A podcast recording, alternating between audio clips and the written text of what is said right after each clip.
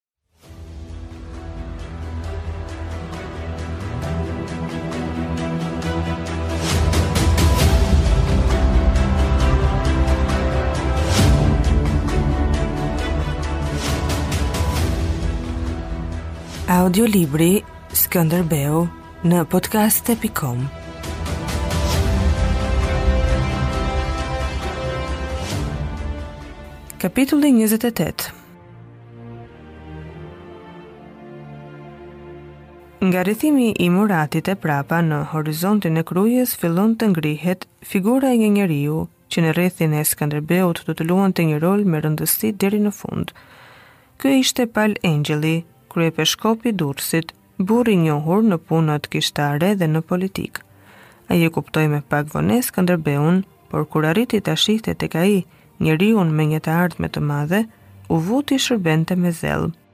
Veçse t'i shërbeje Skënderbeut në vitin 1642, do të thoshte t'u nënshtroheshe pa kushte synimeve të tij.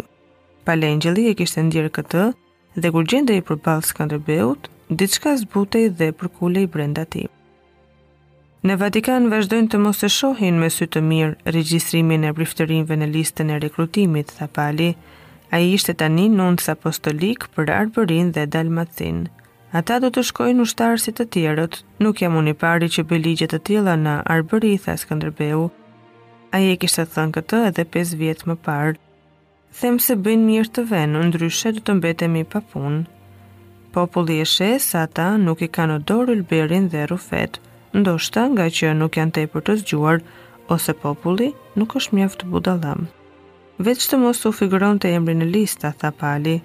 Ai foli me lëvizje të qeta, të matura e të hijshme dhe qeshte me dëlirësi. Skënderbeu vuri pa dashur buzë në gaz.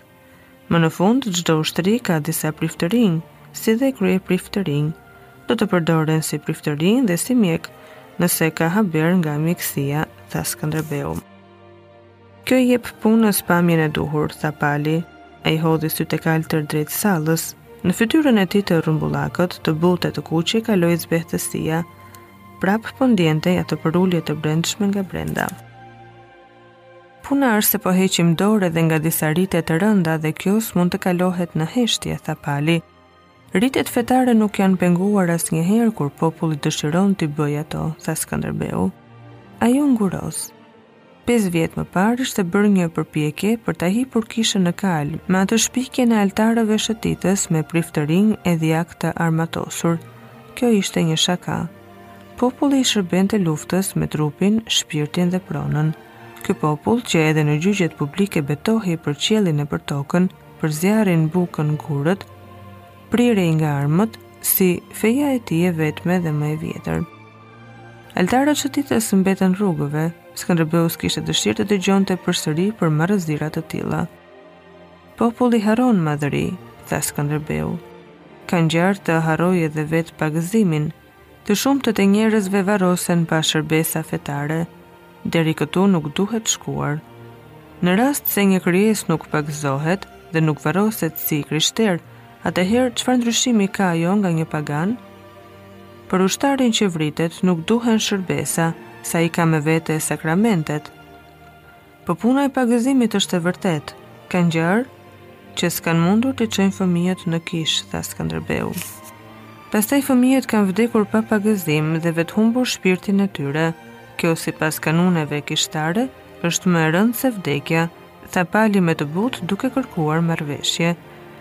Skënderbeu po e ndiqte me kureshtje, Gjergj Pelini nuk besonte në asgjë dhe këtë e tregonte sheshit, ndërsa Pali i hidhte sytë e kaltër në hapësirë, sikur të kërkonte ndihmën e fuqive të fshehta.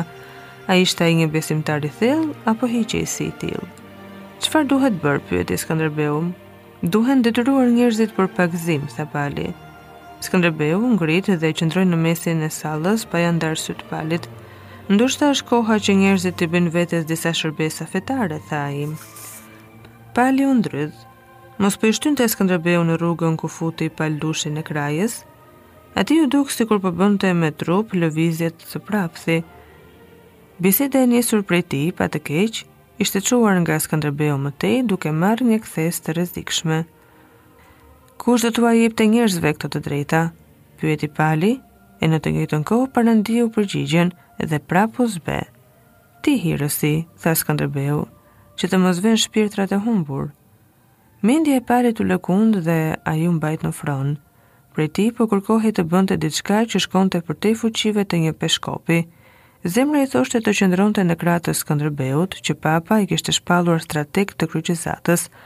Ai bloi punën në mendje dhe vendosi të thoshte: Atëherë u dashka të japim konstitucion për pagëzimin, Ti hirësi je burrë largpamës bëje këtë konstitucion, tha Skënderbeu. Për hir të rrethanave të luftës së jashtëzakonshme, tha Pali nën zë. Në sytë e tij u kthye drita, lëvdata e sinqertë e Skënderbeut i ngrohu zemrën. Por populli nuk do ta mësojë dot gjuhën e rëndë latine, tha Skënderbeu. Atëherë Populli ta thotë formulën në gjuhën e tij, tha Pali, i dukej se dikush tjetër fliste për të para se ai të mendohej, i tërhequr nga një forcë që s'mund të kundërshtohej dhe tashmë as ai vetë kishte dëshirë të ndalej. Skënderbeu e përsëriti formulën si nxënës me fytyrën e çelur, fare e lehtë, tha. Më tetë nëntor të vitit një mijë e katërqind e gjashtëdhjetë e dy, Pal Engjëlli nënshkruante në Kishën e Trinisë së Shenjtë në Mat një nga dokumentet më të hershme të gjuhës shqipe, qarkoren që i jepte të drejtë çdo shqiptari të pagëzonte vetë fëmijën e tij. Ai e lexonte këtë qarkore para fisnikëve dhe prelatëve të mbledhur atje, ku pothuajt nga të gjithë vendi dhe mbyllej duke thënë: "I jepet ky konstitucion në përkrahjen e Zotit